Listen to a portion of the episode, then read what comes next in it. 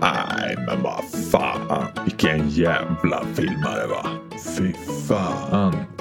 Nej, på min tid då var det fan, då bröt man av klubban över näsbenet så fortsatte man spela bara. Nej, fy fan. Nej, vad fan. Ah, nu fick han ju ett slag i ansiktet så kan han inte ens stå upp den jävla fjanten alltså. Nej, fy fan. Vilken filmare. Nej, nu föll han. Fan i helvete. Åh, vilken jävla filmare. Nej, kan du inte ens ta en jävla tackling eller? Va? Vilken jävla filmare. Va? Ja, men vad fan. Fick du så jävla ont i jävla filmare, va? Nej, fy fan. Nej, vad i helvete. Har du aldrig fått en klubba i ansiktet eller? Fan, stå upp för fan. Ja men, fan, har du, fan, fan, har du aldrig fått en Har du aldrig tagit en sån där tackling? Min tid då fyllde du bara ihop skiten och så åkte du vidare bara. Nej, nu din jävla- Har du aldrig fått en klubba i ansiktet så eller? kan han Stå för fan. jävla fjant. Nej, på min tid då var det mycket tuffare. Nej, på min tid då var det mycket tuffare. Nej, på min tid då var det mycket tuffare. Nej, på min tid var det mycket tuffare. Och på min tid var det mycket tuffare med hockey. Nej, på min, på min var På det, min då var det tid mycket var det tuffare. mycket tuffare. Och på på min min tid tid var det mycket tuffare tuffare.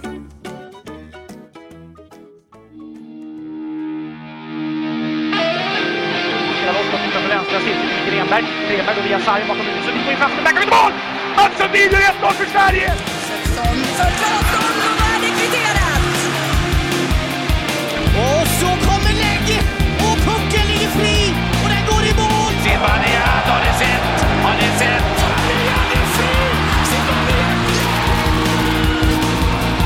Åh jösses! Se där ja!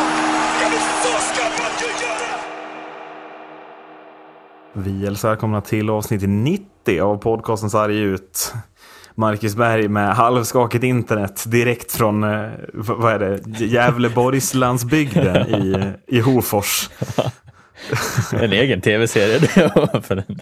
Ja, precis. Det, du sitter liksom, din mick lyser liksom upp här, den är röd på något sätt. Otroligt och så gulligt, som att du liksom ska spela, spela Ja. in den här podden för 10 000 tittare ungefär. Ja, den ser lite ut eh, som en godisklubba på något vis. Jag vet inte riktigt hur man ska... Lite sugen på att slicka på den. Ja.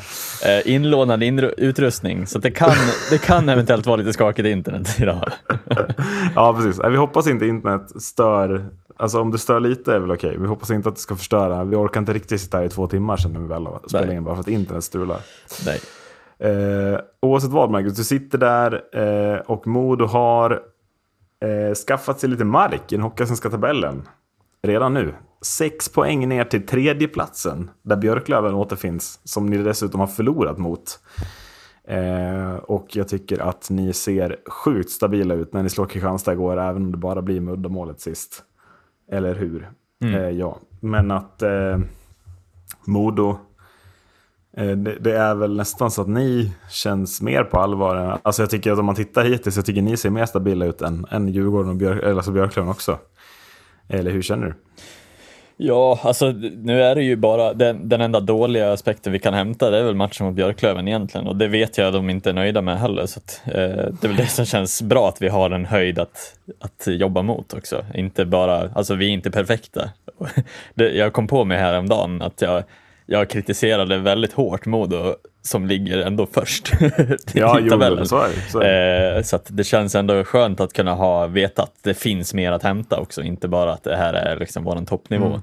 Eh, och det är ju inte nu som vi ska vara bäst heller. Så att, Jag, jag, jag, jag tycker ju fortfarande att premiären mot AIK är värre. En värre förlust än vad Björklöven borta är. Även om det blir, alldeles, det blir lite för lätt för Björklöven att vinna, kan vi väl argumentera för.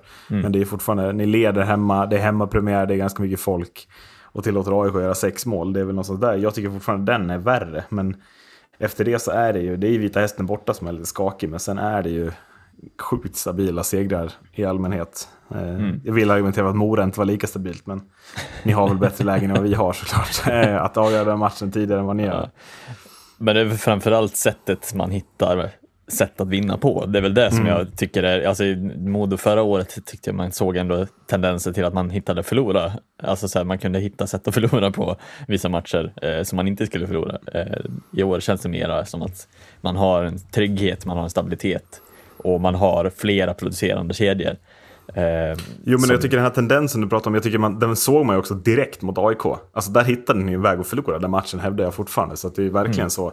Jag tycker det är det, det är det, de senaste matcherna ser ju defensiven ser ju stabil ut också. Alltså, Gu- Gudlevskis gör ju flera alltså, bra räddningar, men också defensiven ser ju stabil ut. Mm. Och den har ju också en offensiv uppsida som inget annat lag väl kan stastera riktigt med. Eventuellt Björklöven. Djurgården Mm. har ju absolut inte den typen av offensiva backar. Nej, precis. Och det verkar ju som att det är på väg någon spelare framöver också. Nu vet jag inte hur bråttom den värvningen är egentligen, men eh, det kommer väl att fyllas på där också, ska, ska vi se. Känslan är, väl, känslan är väl inte att det är backsidan ni behöver fylla på heller kanske. Jag vet Nej, inte. jag vet inte heller. Känslan är, alltså jag, jag hävdar ju, alltså. Tänk, tänk en riktigt spetsig lekkamrat till Woods och Dickinson. Där Mm. är väl eventuellt, då är ni ju helt plötsligt, eh, alltså då tycker jag ni på fullaste allvar utmanar om att också se bäst ut truppmässigt Mm. nästan. För nu är det Djurgård som är eh, i första kedjan tillsammans med dem. Jag skulle Mm. Och även vilja om se... Marenis är där så är det inte riktigt den där, äh, jag förstår vad du menar, det är inte Mm. riktigt, man skulle nästan vilja se en SHL, alltså så som när, Precis. när Björk, eller liksom, alltså en sån spetsvärvning på slutet som är, hade kunnat gå in till SHL-lag liksom. Ja, en sån här tråkigt bra värvning. Ja, men verkligen, verkligen. Mm. Så som man ändå trodde att han lätten förra året skulle kunna bli, men det blev inte riktigt. Mm. Jag har glömt vad han hette, men eh, Jelisejevs. Jelisejevs, det stämmer. Snyggt. Ja, var... Jag hämtade ner den någonstans härifrån. Ja. Eh, bakom då, eh, Djurgården har en match mindre spelad, eh, vinner de idag, det är bortom Västerås ska sägas, det är tufft. Men är det, då är de ett poäng bakom er, men det känns ju också som ett lag som, det känns som att det finns mer att häm- hämta. det, känns, det känns nästan sjukt att Djurgården och Björklöven ligger två och tre, sett till att så här, fan de känns inte så bra ändå, men de vinner ta mig fan matcher. Eh, är ju bara att konstatera. Ja, det känns lite konstigt att, eh, att det känns så på något vis. Som, som sagt, det kändes konstigt, för jag, det kändes som att Modo låg liksom under slutspelsstrecket för mig. Och, så, och så sen så tittar man på de lagen så har man inte alls känt som att det, det har liksom hänt någonting. Men lagen runt omkring förlorar ju mot dem. Så att, eh, det känns ju inte som att det är den här överväldigande eh, superlagen som, som spelar heller. Eh, Nej, Björklöven är så bra som de behöver och lite sämre än så till och med. De är, Eh, ja, alltså det är fortfarande, framförallt på bortaplan tycker jag Björklöven har, har stora problem. Alltså, Mm. det, det är torsk mot AIK alldeles för lätt. Det är ju torsk mot Vita Hästen här, då gör man inte ens mål. Förlåt, Mm. det är inte så imponerande att inte göra mål mot Vita Hästen. nej. Och sen mot Östersund, som i det, i det läget var ju absolut inte bra. Eh, Nej. Så, så hade man ju, alltså man hade ju problem i två perioder. Det står ju Mm. 3-3 inför sista, sen gör man ju vad man ska. Men det känns ju som att bortaspelet, ja, ska man, ska man ta sig igenom ett slutspel, nu är det väldigt, väldigt långt kvar, men då lär ju bortaspelet också fungera. För att, Ja, nej, jag håller med. Och eh, det känns lite som att det är det här eh, typiska Björklöven som är så här otroligt bra mot de motstånd som de inte ska vinna. Eller så här, de är otroligt bra mot det, de lagen som de är lite underläge mot, känns det som. Men så fort det är något lag som de ska vara bättre än så bara går de ner sig i nivå. Och det är ingen skillnad från förra säsongen egentligen. Nej, men precis. Det är, så, mm, det är lite både och. Det är ändå torsk mot AIK och Karlskoga ju. Alltså, sen slår man ju er, och, och, men sen har man ju slagit, vad är det, Vita Hästen, Tingsryd, Östersund. Alltså det är de lagen man slår sen. Så att, eh, mm, lite ändå så här. Jag tycker, det, jag ty- jag tycker det är svårt att sätta fingret på Björklöven. Alltså när de är bra så är de jävligt bra, men den här spetsen, Fortier, Pooley och Schilke, det är inte riktigt Josh Dickinson, någon av dem är ändå känslan upplever jag. Eh, att, där, där har de Modo någonting som är som alla vet. Precis. Eh, och sen eh, om, om vi ska snacka eh, Djurgården också, så känns det ju, jag är lite förvånad över att de inte är bättre offensivt Ja, men verkligen. än vad de är. Eh, och sen, ja, klart man är, alltså man ligger där man gör och man gör jobbet, men det känns lite som att det saknas ganska mycket framåt i, i och med den kompetensen som de besitter på, framförallt första kedjan nu när John Norman. Framförallt är det, ja, men framförallt är det väl, alltså det är ju det är framförallt Marcus Kryger som man känner borde steppa upp mer och även de här juniorerna är väl tänkta att göra mer poäng än vad de har gjort. Är ju känslan. För att jag tycker att ändå Olle Liss, John Norman och Daniel Brodin, det är svårt att kräva mer av dem, känner jag. Men För jag tror att det blir tufft att, tänka att så här, ja, men det är lugnt, Djurgården kommer att vinna med 2-1 varenda match. Jag tror att man kommer behöva göra en del mål mot vissa lag. Framförallt om det ser ut som det gör nu, för att nu upplever jag lite att så här, det, är väl, det är fina siffror defensivt, det är minst insläppta i serien och liknande. Men det är ju inte så att man känner att defensiven är superrobust hela tiden, utan det känns ju väldigt mycket som Carl Lindbom som har kommit in och varit väldigt bra också. Gjort några. Och det är klart att han kan ju stå på huvudet hela säsongen, men jag har, jag har svårt att tro att en junior eller så ung spelare ska kunna hålla den. Alltså det krävs väldigt mycket psyke för att hålla nivån. Och det är uppenbart att lite minsta motgång, det fick ju de här andra tre att tappa direkt ganska mycket upplever jag. Så att, mm. Eh, lite frågetecken ändå. Ja, precis. Det ska ju hålla hela vägen in i november, december mörkret också Mm. genom eh, åka ner till vad heter det? Almtunas hall också. Jo, jo men så är det ju. Eh, Men samtidigt, jag, tycker ändå man tar några, om man tittar på segrarna man tagit, alltså det är borta mot Kristianstad 1-0 och sen nu senast Västerviken för ett halvtomt Hovet 2-0. Alltså någonstans, vi sa ju det här om HV förra hösten också, att så här, ja, de ser inte asbra ut, men de vinner hockeymatcher. Och det, det spelar ingen roll om man ser dåliga ut mot Västervik hemma. Tar man med sig tre poäng, det är ju bara det man är där för. Och det är väl kanske den mentaliteten som man har tagit, man kanske har tagit efter HV lite och det tycker man är bra i sådana fall. Men skit, skit, bara vi vinner så, så liksom jobbar vi på spelet. Det ska vara som bäst i slutspelet, men hittills behöver vi bara vinna matcher. Och det är Precis. någonstans det som, eh, som bygger, alltså bygger, till sist så kommer det ju lossna tänker jag för en sån spelare som Marcus Kryger om man fortsätter vinna matcher. Då är det till sist, alltså då, då behöver, ju- behöver ju inte produktionen vara 50 poäng. Då kan den stanna vid 35 och så är det lugnt. Precis. Eh, ja, eh, snabb notis. Du såg att Östersund tog mitt råd. Försökte stärka till lite defensivt. Två raka hemmasegrar. 3-2, 1-0. Och vips så var man tillbaka på en sjunde plats i tabellen eller något sånt där. Mm. Ja men helt ärligt. Alltså, hur svårt var det att börja spela lite mer defensivt? Det hade man ju kunnat. 7-0 mot Mora blev droppen uppenbarligen i alla fall. Det var tydligt. Ja, verkar så. Eh, vi stänger allsvenskan där för den här gången va? Det är full SHL-omgång idag. Vi spelar in lördag. Trevligt. Det, Det var det hör till otrolig ovanlighet. ja, precis. 11.00 en lördag. ja, eh, men vi tar en bumper och sen öppnar vi SHL. Och jag tänker att vi kliver rakt eh, på Brynäs som eh, efter 8-4 i röven mot Malmö har tre raka segrar och den här lördag eftermiddagen eh, ställs mot HV borta. En ganska bra uppgift tror jag om man vill ta sin fjärde raka seger för tillfället.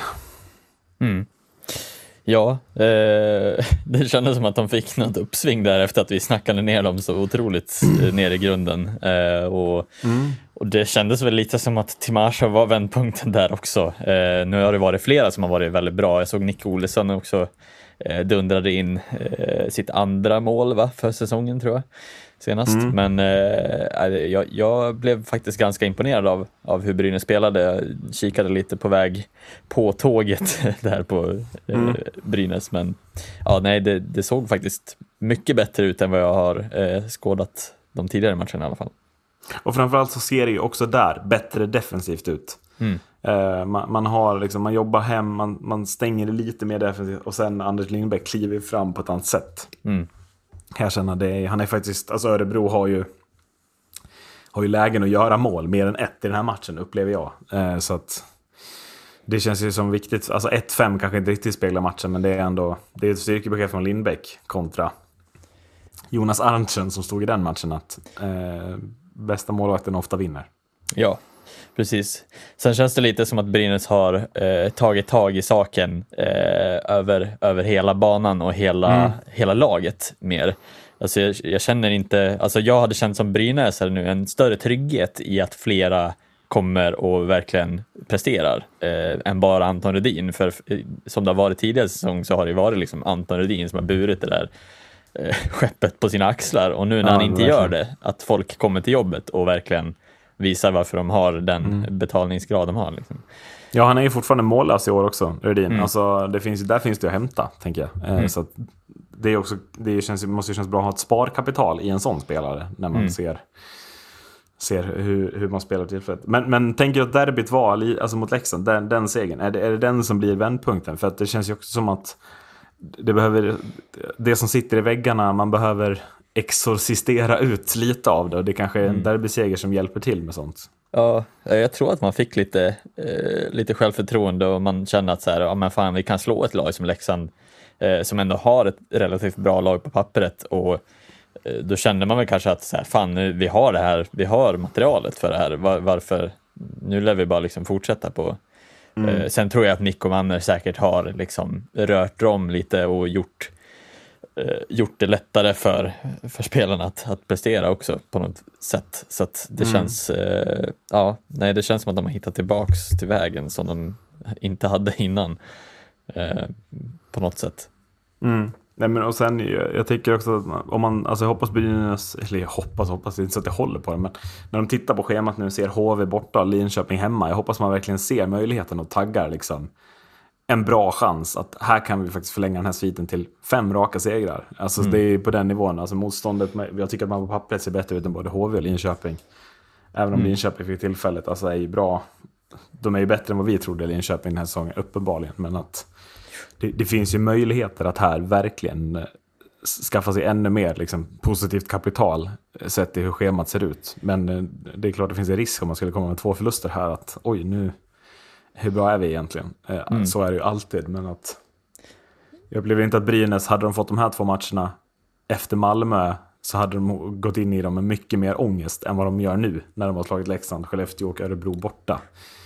Eh, som ändå är tuffare motståndare väl än HV och Linköping kanske. Ja. Sen måste nästan eh, gå in och, och be om förlåtelse nästan till Johan Larsson. Alltså jag, jag tycker att han, eh, även om det kändes lite som när vi snackade om det, att så här, fan, han kändes lite osynlig, lite liksom bortglömd i det där Brynäsbygget.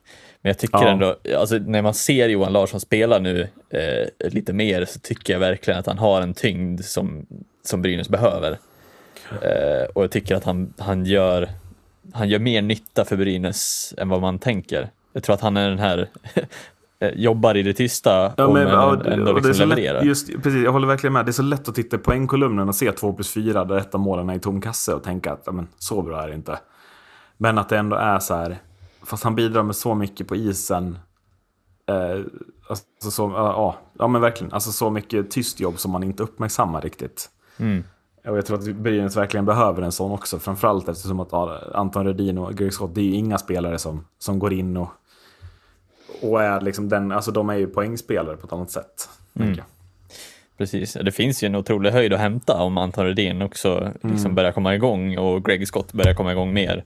Alltså Hannes Björninen har ju varit en otrolig värvning. Samma sak eh, Sklenicka. Sklenicka Ja. som jag har så otroligt svårt att uttala. Mm, jo, Eh, men det är det måste ju vara en- succévärvningen i år nästan. Eh, om han fortsätter så här. Jo, men helt klart. Så att, eh, Jag, alltså jag tänker också, man glömmer lite bort att Johannes Kinnvall finns som spets för den där backsidan också. Alltså det Mm. finns väldigt mycket offensiv spets. Det går inte som... Och jag menar, även om Björnen var bra, men det är två mål. Rudin noll mål. Eh, Johan Larsson har två mål. Alltså Mm. det, det känns som att det verkligen finns mål. Mål att hämta. Eh, och det även mer i Timashov också kanske, även om han har gjort, gjort sina påsar. Eh, Så att, Mm. eh, det, det känns ju onekligen som att man... ja, Alltså vi tänker verkligen att Brynäs har en till nivå. Mm. Sen ska de ju också visa det, men att eh, det känns som att de har visat någonting vad de kan vara om de verkligen vill de senaste tre matcherna. Mm. Eh, men är Mikko Manna rätt tränare för det? Alltså tror du det? Eller tänker du? Han är ju värvad Tycker- för att vara det. Ja, alltså jag tycker det är svårt att greppa lite vart han, eller svårt att, att pinpointa vart han är någonstans riktigt. Det känns som att han ena stunden är liksom bra, han är liksom, han uttalar sig väldigt liksom bra allting utåt men jag tycker det är väldigt, väldigt mycket fram och tillbaks ändå. Men eh, ja, jag tror väl det om, om det här om det här är den nivån och han har fler nivåer eh, i sig i det här laget, om man kan hämta ut det, ja då är det ju inget snack om att han är den tränaren. Eh, men ja, det är svårt att svara på ändå. Hur lång tid ska han få på sig att hämta ut det då? Är jag lite inne på. Att så här, Ja, jo, absolut. dags, alltså, om tio omgångar så lär vi nog ha sett att han plockar fram en nivå till i de här spelarna, känner jag. Mm.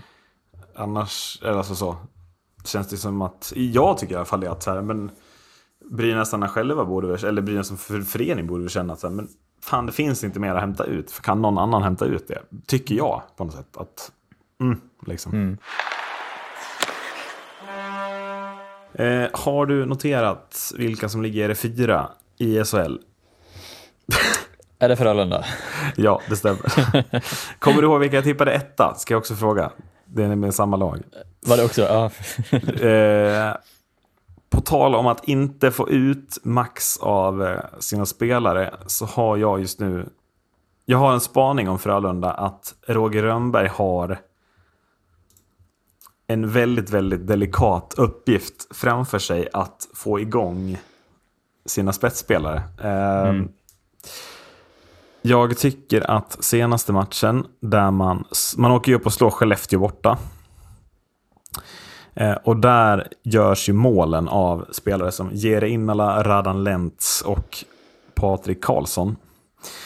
Eh, Patrik Karlsson tycker jag ändå gör en bra säsong, 6 poäng på 9 matcher, alltså någonstans där. Eh, sen är det ju Jere Innala, 6 poäng på 9 matcher. Vet inte om det är tillräckligt bra. Anthony Greco, visst 5 mål. Det är ju jävligt bra att han hittar mål. Noll assist dock, minus 3, inte riktigt topp. Radan Lench 1 plus 3, håller inte. Ryan Lash 0 plus 4, vad händer där? Vad pågår med Ryan Lash? Helt osynlig. Jakob Nilsson som jag pratade upp som totalt genombrott, 0 plus 1 på 8 matcher, håller ju inte riktigt heller. Eh, Men om man bortser från det här så har ju spelare som då Patrik Karlsson, Filip Johansson, Niklas Lase och Mats Roselli Olsen bidragit till offensivt offensiv produktion som man kanske inte förväntar sig. För att inte tala om Tom Nilsson som har gjort tre mål hittills. Som typ är defensiv back. Han snackar ju du upp inför säsongen.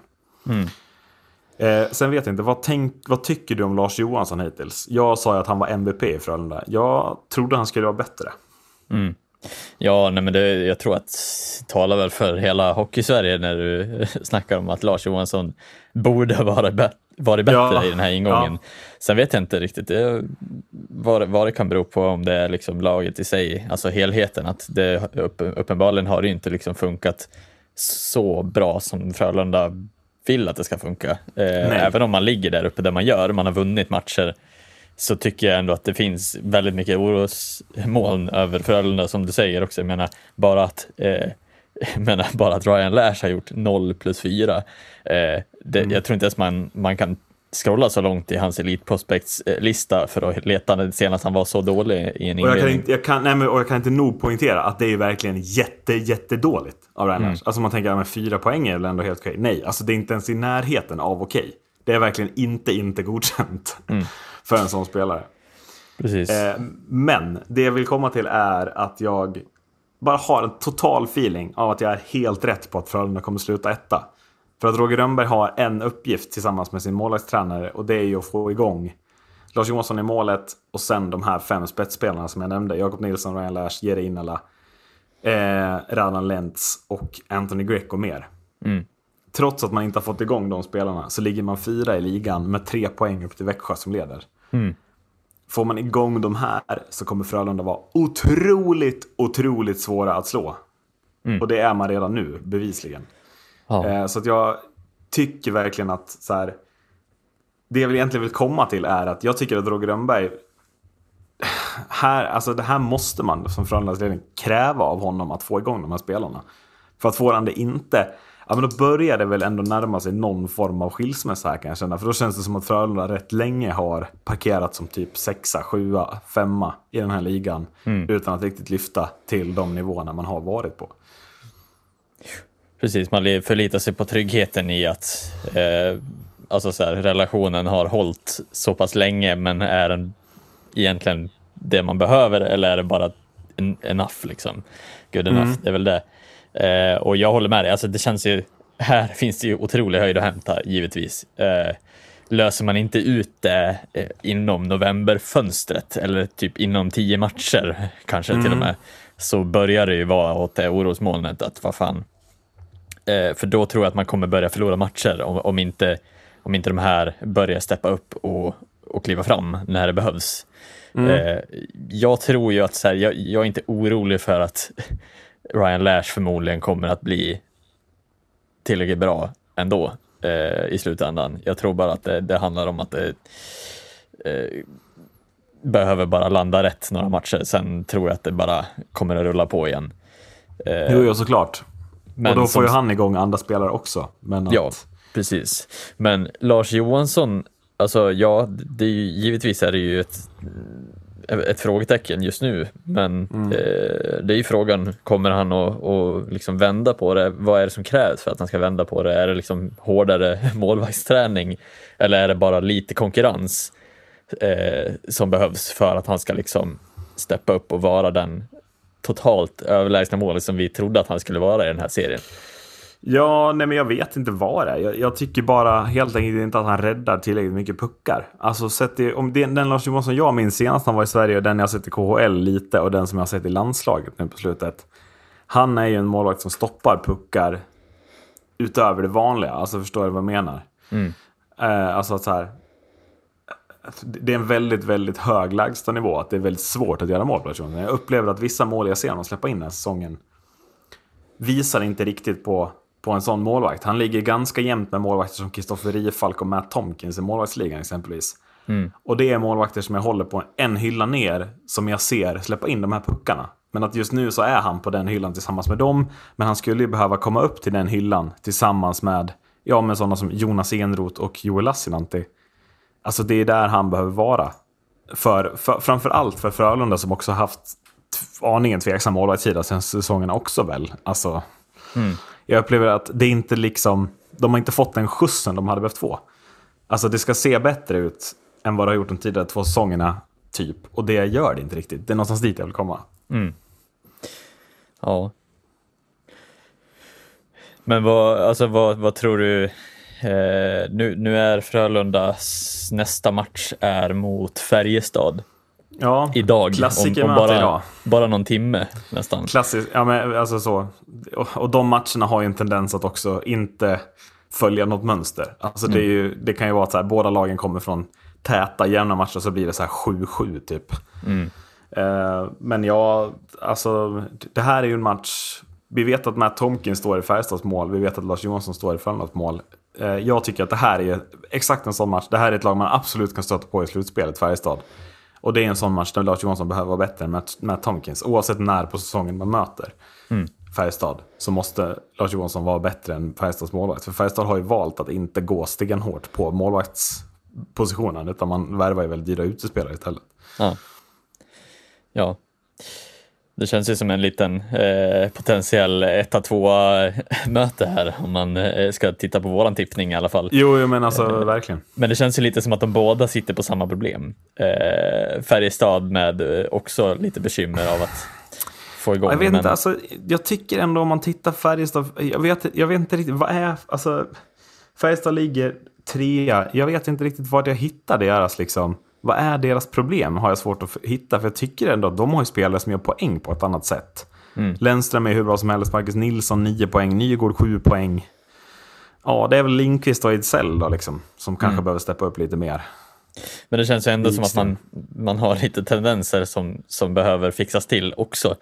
Eh, Man förlorar med 3-0 mot Luleå senast. Jag tycker ändå att man penetrerar Luleås försvar jävligt bra hela matchen. Eller men den verkligen. del av matchen jag såg i alla fall, så var det ett förvånansvärt dåligt eh, Luleå-försvar. Eh, Men då tyckte jag ändå att Färjestad såg otroligt bra ut när de väl öppnade upp liksom luckor och lyckas ändå inte göra mål. Eh, Det var där, det, det är väl dit jag tänker att jag försöker hitta nackdelarna. Att så här, man, man gör det bra, men gör man det bra hela vägen för att vara så bra som jag förväntar mig att Färjestad ska vara i år. Eh, Det är väl det, men eh, ja, det ska bli väldigt intressant att se vad den här matchen landar i också. För att det blir ju lite, som du säger, prestigeböter. För det kan ju liksom, det här Ja, kan men det är ju ett sånt klassikermöte. Det är väl Sveriges två största klubbar typ. Alltså jag vet Ja. inte. Det är svårt att argumentera för vilka som är större. Leksand och Brynäs är väl såklart nära. Men att det är de här Mm. två har ju prenumererat på SM-titlar. Under hela 2000-talet dessutom. Ja. Jag tänker att innan vi går över, du nämnde Luleå, vi ska ju dit såklart av flera förklarliga skäl. Eh, men vi kanske också ska prata om, på tal om lag som har vunnit SM-guld, Växjö, som ju leder den här serien, som jag ju absolut inte hade så högt upp. Eh, och det baserade ju på min fantastiska argument om att deras målvaktssida inte kommer hålla. Eh, säg hej till Adam Åhman, tvåa i målvaktsligan och Emil Larmi, fyra i målvaktsligan. Ehm, Som jag väl får pula och säga att de har ju absolut visat att det är, en, är snarare en av SHLs bästa målvaktssidor jämfört med en av de sämsta som jag ju trodde. Hittills i alla fall. Ja. Eh, så att eh, Växjö överraskar väl ändå tycker jag. Jag vet inte vad du tänker. Jo, absolut. jag och klingar i ett glas. Förlåt. Vill ha attention på. ja, precis.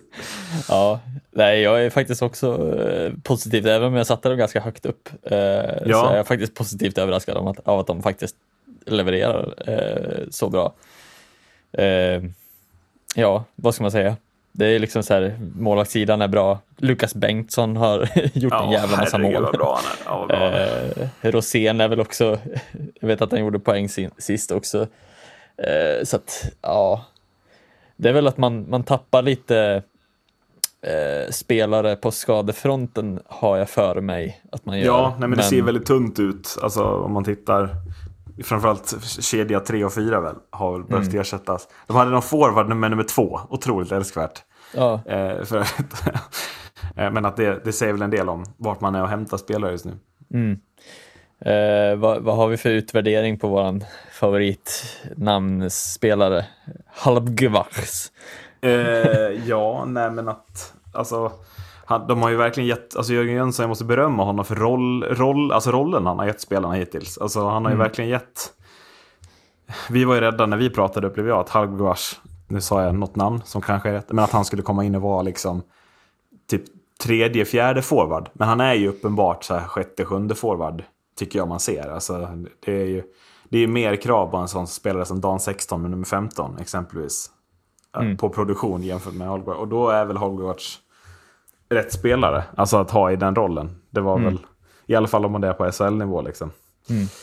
Tänker Sen, sen tycker jag, eh, jag måste nämna eh, det här också, men eh, med ingången av, eller så här, kan man säga lyftet av en spelare som Brian Cooper. Alltså så här, eh, vilken, alltså så här, vilken raket han har gått igenom från liksom Hockeyallsvenskan och klättrat sig upp. Och det känns nu som att han är där uppe liksom i en toppbacksituation. Jo, men alltså, är hur bra som det, det, om, du titt, om du tittar på Växjös backsida, den, innehåller, den innehåller Joel Persson, den innehåller Lukas Bengtsson, den innehåller Mika Koivisto. Mm. Men den som har bäst plus minus och den som har mest istid, det är Brian Cooper. Mm. Och det är också, som sagt, Jörgen Jönsson, när han, eller vem det nu var som värvade honom.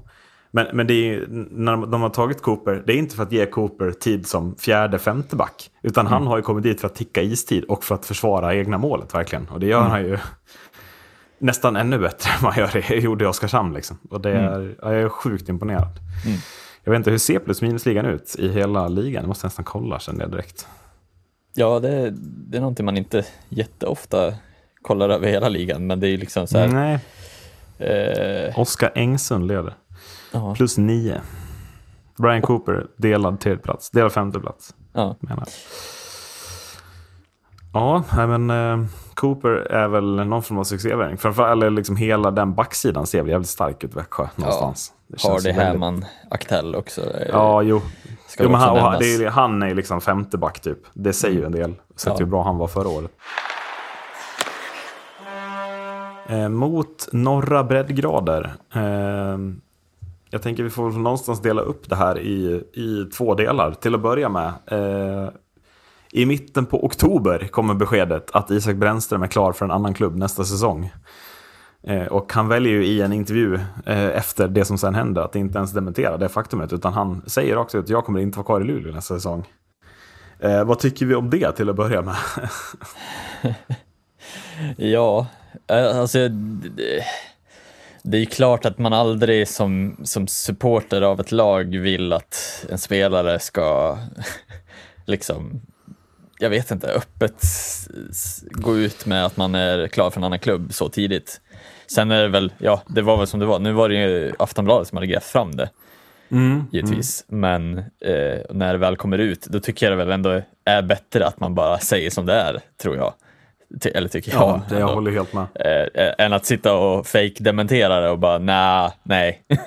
man, kan, man kan välja och bara nej, jag vill fokusera på hockey, jag vill inte fokusera på det som Ja, händer utanför. Ja, precis. Mm. något sånt där. Men ja, Jag som Marcus Westfeldt.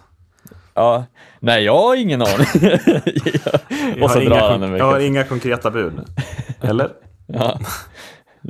Ja, nej, men jag, jag ju- håller helt med dig. Att om, om, den, om man nu, de nu gräver fram det, Aftonbladet, vilket vi får ju berömma journalistiken såklart. Men att jag, jag tycker ju verkligen att så som, så som hockeyn ser ut i nuläget, det finns ingen vits med att, att gå och säga något annat. Eller att försöka liksom dementera det och sen visar det sig att det har stämt hela tiden. Utan det är bättre att spela med öppna kort. Sen förstår jag att man vill, inte vill gå ut med det för egen del och det tycker jag inte att man ska göra heller. Det blir bara konstigt att så här, nästa säsong lämnar den här spelaren, vi är åtta omgångar in i serien. Liksom. Och det här har väl egentligen, alltså vad jag eh, kan tro så har väl det här egentligen pågått många år i att man försöker signa spelare inför nästa säsong redan under pågående säsong. Ja, Ganska det är tidigt. bara att man inte riktigt har sett det efter sju omgångar. Nej, nej, jag, det utan snarare efter givetvis. 37 kanske. Jag vet Eh, inte. Men... Det har säkert skett sådana tidigare men som inte har grävts fram på samma sätt. Nej. Eh, Så jag tror ändå att det är nog inte ovanligt. Eh, Men man vill ju gärna, som supporter av ett lag så tror jag verkligen att man vill se det så sent som möjligt. Eh, Mm. För att man vill ändå så här, någonstans vill man ju ändå tro att, eh, eller tro, man vill ändå liksom hoppas att de inte påverkas av det mentalt i laget heller. Nu verkar Mm. inte Brännström ha blivit så speciellt mentalt påverkad i och med att han fortsätter att prestera i Luleå. Ja, nej, men jag tänker att vi kom... det vill jag komma till sen. Ja. Eh, men jag, jag håller ju helt med att det, det blir ju också märkligt på något sätt om man tittar på, alltså så, man, man, hur mycket tankeverksamhet behövs det undrar jag. Att så här, så här, Isak Brännström är liksom, moderklubben Nässjö, han är född 1998. Alltså, det, det, man lär väl ändå som supporter till, alltså så här, hur långt är det till Nässjö från Luleå? Vi pratar väl 100 mil eventuellt. Alltså man kanske fattar att så här, ja, den spelaren kanske har familj och nära vänner där. Att den spelaren kanske är intresserad av att flytta närmare det området. Det kanske man ändå ska ha i åtanke tycker jag. Ja. Ja men alltså så att så här, jo men det kanske är rimligt att vi tappar Brännström den här säsongen. Det kanske man ska tänka innan det ens kommer, alltså så, det kanske finns något konkret på plats. Jag vet inte, det känns bara lite så här som att någon, att någon blir förvånad över det här. Jaha, vill han lämna Luleå? Tycker jag känns väldigt märkligt om man tittar på moderklubben. Det är väl samma sak med hela den eh, taken på Kalle Östman-grejen också. Att säga, ja, de, Västerås trodde att det var hemma för honom, men han är ju från Borlänge. Alltså det är inte så Ja, jävla- jo, jo, men, ja, ja, eh, nej, men precis. Då är det inte så konstigt att Leksand kanske står ett snäpp över. Liksom. Det är ju samma sak. Ja, Mm. ge- Geografiskt sett så borde det väl ändå vara en stor, stor faktor för många spelare ändå. Till slut. Jo, men den har väl det. Alltså framförallt när de, är, när de börjar den åldern, alltså så, från 24 till, till 32. Alltså det Mm. är ofta då man ska skaffa barn och liknande. Som, som gör att man, eh, av egen erfarenhet, det är skönt att vara nära familjen när man skaffar barn. Ja. Sen, ska, Eh, så. sen ska gudarna veta att Luleå ligger väldigt högt upp i landet. Ja, jo, men det, precis. Det, det är verkligen, alltså, det går ju typ inte att åka bil till Luleå om man bor i södra Sverige. Du måste ju liksom flyga upp. Det är på den Ja. nivån vi pratar. Att, ja, men, men vi går väl till det. Eh, Det här leder till att eh, en mystisk man eh, hänger utanför och liksom knackar på Isak Brännströms lägenhet. Han är inte ens hemma, utan i lägenheten sitter hans ensamma höggravida eh, sambo. Eh, och blir väl såklart eh, livrädd när någon kommer och hotar ens pojkvän eh, vid dörren.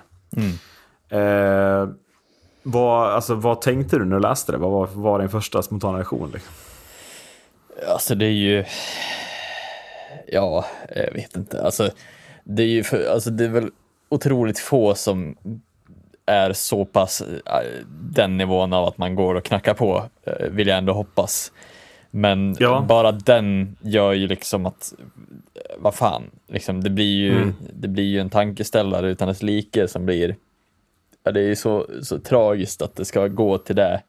Det, är liksom, det handlar om rent tekniskt sett bara ett jobb. Alltså det är ju inte, ja visst man kan snacka om klubbhjärta, man kan snacka om allt sånt där, men någonstans tror jag väl ändå att han har en tanke i att han har, alltså så här, Luleå har han ju ändå liksom, han vet ju vad, vad han inte ska göra eh, mot supportrarna. Men jag tycker Ja, inte men att han har gjort någonting fel här.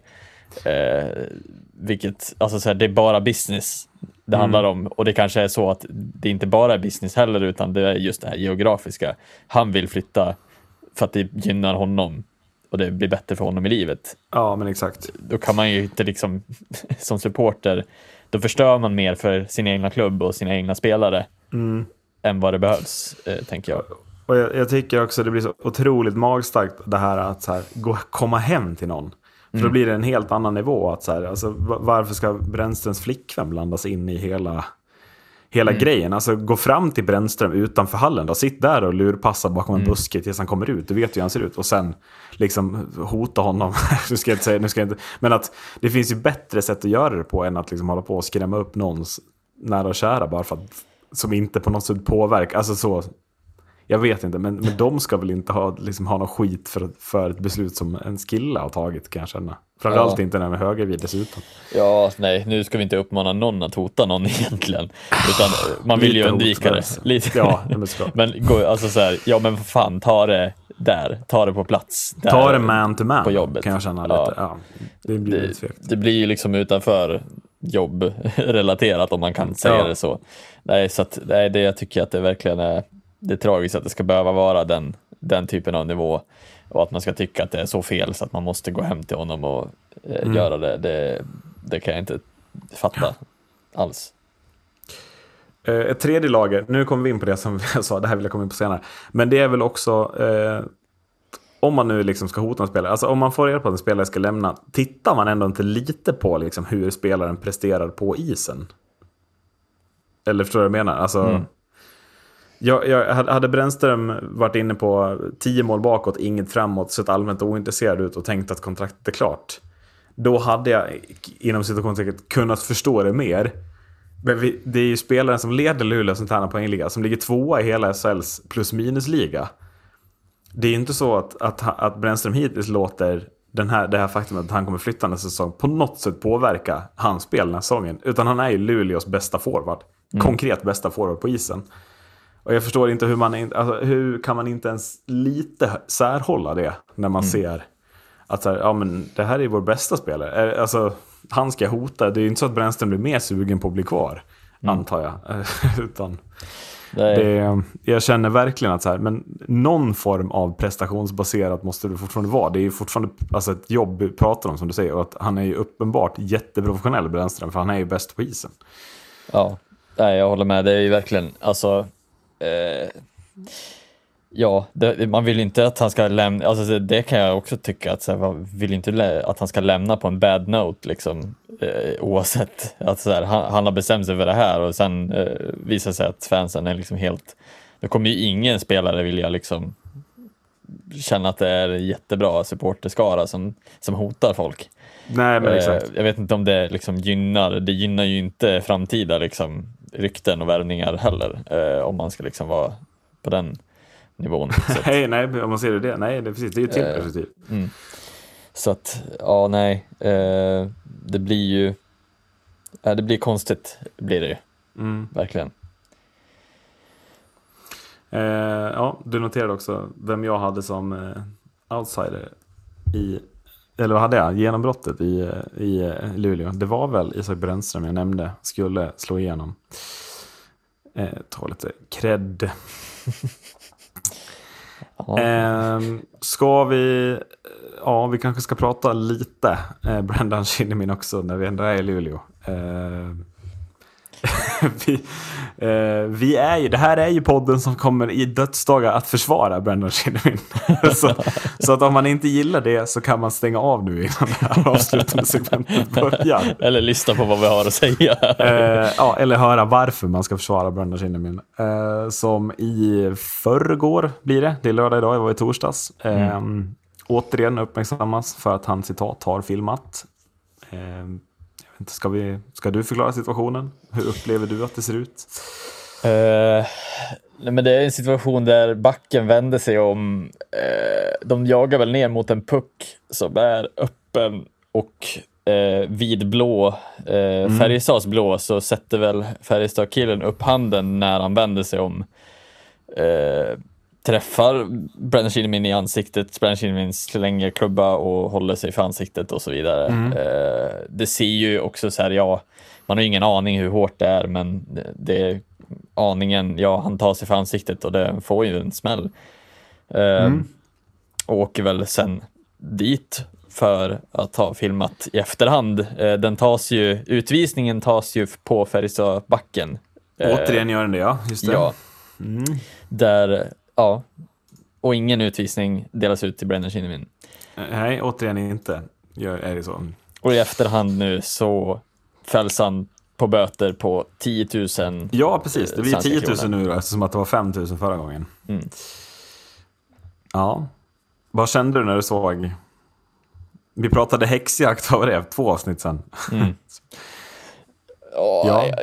ja, jag vet inte riktigt vad ska jag känna längre. Det känns lite som att så här, det, ja men du vet, när man får en, en aning om hur en spelare är, så är det lättare att döma den lättare hela tiden. Hänger du med på? Alltså så här, eh, om en kändis till exempel har gjort någonting dumt någon gång, då dömer man den gärna lättare ofta nästa gång också. Eh, och det är lite som det känns här också. Alltså så här, det är så lätt att döma honom direkt, att ja, ah, okej, han filmar, för att det är så han brukar göra. För Brennan Eh. Kinnaman kan ju inte göra annat. Eller hur? Det är väl Nej. det någonstans det landar i. Brennan Kinnaman kan bara filma. Det är det enda han kan. Och det här Precis. stör jag ihjäl mig på. Precis. ja. Eh, Eh, Sen men, tyckte jag det var eh, skitbra att du, du kom ju med eh, bevismaterialet där att Ja, eller jag, jag, jag, har- jag har fortfarande en pending eh, Instagram-förfrågan om att få följa Brendan Shinnimin. Men det ska ju vara där han har laddat upp den här bilden då. Eh, liksom bara ändå för att visa att så här, ja, jag är hur svullen som helst i ansiktet. Alltså jag har ändå fått en smäll. Eh, men att, ja, jag åker ändå dit för filmning. Eh, och det, jag tycker det är lite synd, för jag upplevde Shinnimin som betydligt, betydligt... Eh, Alltså mycket, förstår du vad jag menar? Jag, upplevde att det rinner av honom. Alltså att han kommer att göra det här om och om igen. För att han skiter i det liksom. Men att här visar han att så här, men alltså.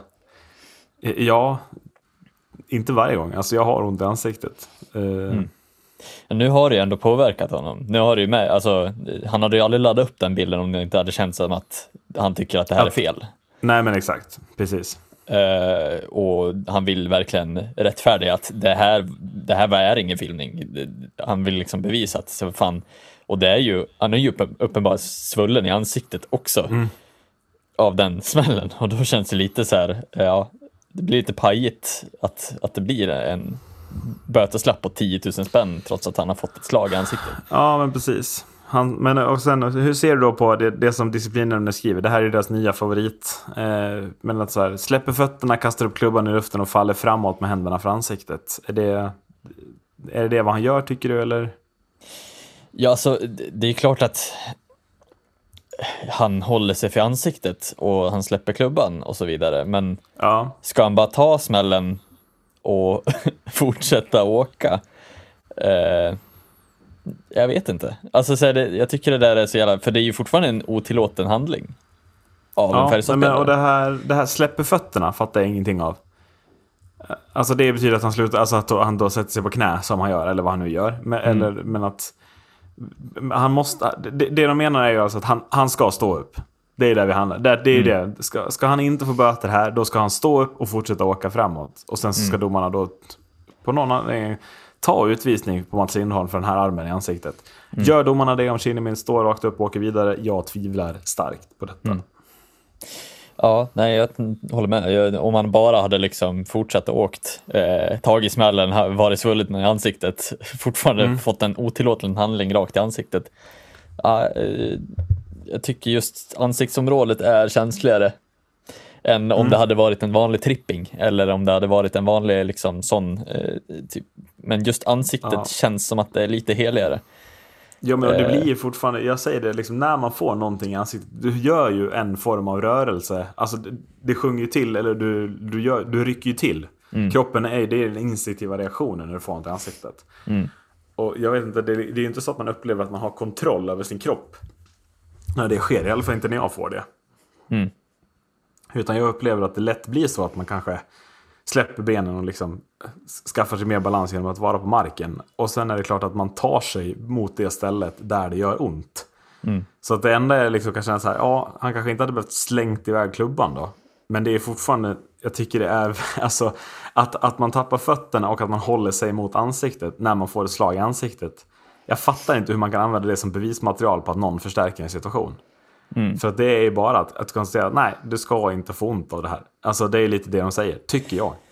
Ja, ja, tyvärr är det ju liksom, det känns lite som att just i den här situationen så känns det lite som att det är macho hockey Sverige som talar. Eh, och tyvärr så blir det ju till Kinnimins nackdel och det blir till eh, nackdelen också i hela det här jävla häxjaktssegmentsnivån. Liksom att, Jo men och häxjakten är ju verkligen, jag vet inte hur du upplever det, men häxjakten är ju verkligen inte bara domarna i nuläget. Alltså titta på sociala medier. Det sitter Luleå-supportrar och tycker att man ska riva kontraktet. Det, det sitter andra som tycker att han aldrig ska portas från svensk hockey. För att man, för säger, men alltså, det, det finns, varenda lag finns det någon som håller på. Det är bara att Kinnimin har ju stått upp för det på ett annat sätt. Som har stått upp för sitt beteende. Och det här måste, det här, alltså, jag, jag, är, jag häpnar när jag läser sociala medier. eh, ja, nej, eh, och det blir ju lite hela, hela grejen också, att det, som jag sa innan också, att det är så lätt att ja, men döma en spelare utifrån dens, dens tidigare eh, alltså handlingar eller tidigare liksom händelser. Vadå, det känns ju varenda, det, det var lite som jag sa häromdagen också, att varenda läge känns inte aktuellt att filma i. Hade det Nej. varit en, ett slutskede av matchen där, det, där de jagar eh, ledning eller någonting sånt där. Mm. Jag, jag kan inte tänka mig att Kinnimins intention är att filma i alla lägen eh, och att det ska gynna honom varje gång. Nej, nej. Och precis. just i det här känns det verkligen inte som att det hjälper honom mer. Alltså så här, det, hade ju bara hjälpt mer att han bara stått upp och fått slaget i ansiktet och fortfarande haft ont. Ja, Eh, jag menar ja, verkligen, verkligen. och inte fått någonting med sig. Mm. Och sen tycker jag väl också att det, det är som vi sa förra avsnittet också, det ska inte vara möjligt att döma ut eh, en böteslapp om man inte kan se det på isen. För då är det inte tydligt nog. Nej, men det, det, och det, är det är dit jag kommer hela tiden också. Att nu blir det ju en häxjakt på spelare med, helt or, alltså, alltså med argument som jag inte tycker håller. Ja, Kihlmin Mm. sätter sig ner och håller sig mot ansiktet. Ja, han fick ett slag i ansiktet. Det kan inte vara den onormala reaktionen. Mm. Utan det- det måste ju vara om domarna ser det i realtid. Alltså så här... Och, och döms det inte på isen? Jag tycker snarare döm diving på... För att det, är det som är grejen också. Andy Mealy åker ju på diving för HV. Mm. Men han döms ju inte i efterhand. Det är också jätte, jättekonstigt. Är det inte. Om du har divingen på isen, då ska man väl få böter i efterhand. Ja, det är precis. väl ännu viktigare. Det är som att två minuter är värre än de här böterna. Jag fattar Mm. ingenting. För att det, någonstans är det ju liksom så här på i matchen, där är det ju där du verkligen förlorar i det. Att så här, får, okej, nu di- alltså så här, det här är en diving, då får du bestraffning på isen. Det straffar matchen, alltså straffar i matchen på det sättet. Nu blir det ju bara som en jakt på att eh, det är liksom så här, nu är det Kinnimins privatekonomi som håller på att liksom straffas om och om igen. Eh, och vadå, det är inte så att han bara, ah, nu ska jag sluta eh, på isen att ramla när det gör ont. Eller vad, alltså så här, eh, det, det, det känns så jäkla konstigt sätt att jaga honom på också i efterhand. Eh, f- för att om inte domarna kan straffa honom redan på isen, då ska domarna också ha en böteslapp. För om det är så tydligt som alla tycker att det är, Ja, men, ja, ja, det då kan det. inte domaren missa det om och om igen i så fall. För jag upplever verkligen att domarna inte riktigt är med på den här grejen. Förstår du vad jag menar? Alltså jag upplever verkligen att domarna känner att så här, vi ser det här i realtid på isen. Mm, Ja, jag, jag ser inte riktigt domarna gå ut och tycka att det är en bra grej, hela den här diving-grejen. Nej. Utan det påverkar ju snarare domare i lägre serier, tror jag. Nej, så att, och, och tolka oss rätt. Diving är liksom så här, det ska, alltså, vi vill inte att det ska hålla på.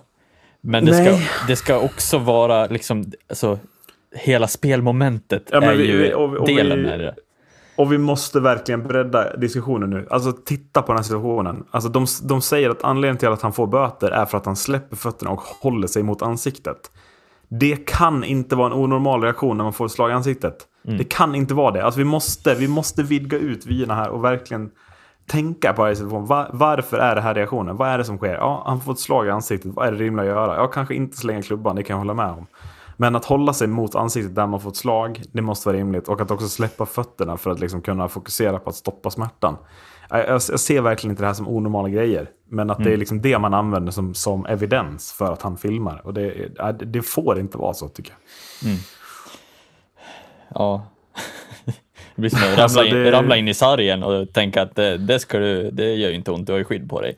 Nej, men alltså, det, beror det, ju är- på, liksom. nej, men, och jag tycker också lite så här, om Kinnaman hade fått ett slag i bröstet och hållit sig för ansiktet. Det är dit jag vill. Då är det filmning och då ska man bestraffas. Men här är det fortfarande, slaget kommer i ansiktet. Jag tycker hela den här förstärka grejen, ja, han, han får inte utvisning med sig om, om han står upp och fortsätter åka. Då får han bara ont. Och det vet inte fan heller om jag tycker att det är bra. Nej. Liksom. Ja, eh, ska vi säga så? Ja. Vad eh, borde domarna göra lite mer? Spela lite mer sarg ut. De borde spela lite mer sarg ut. Tack för att ni har lyssnat. Hej då! Hej då.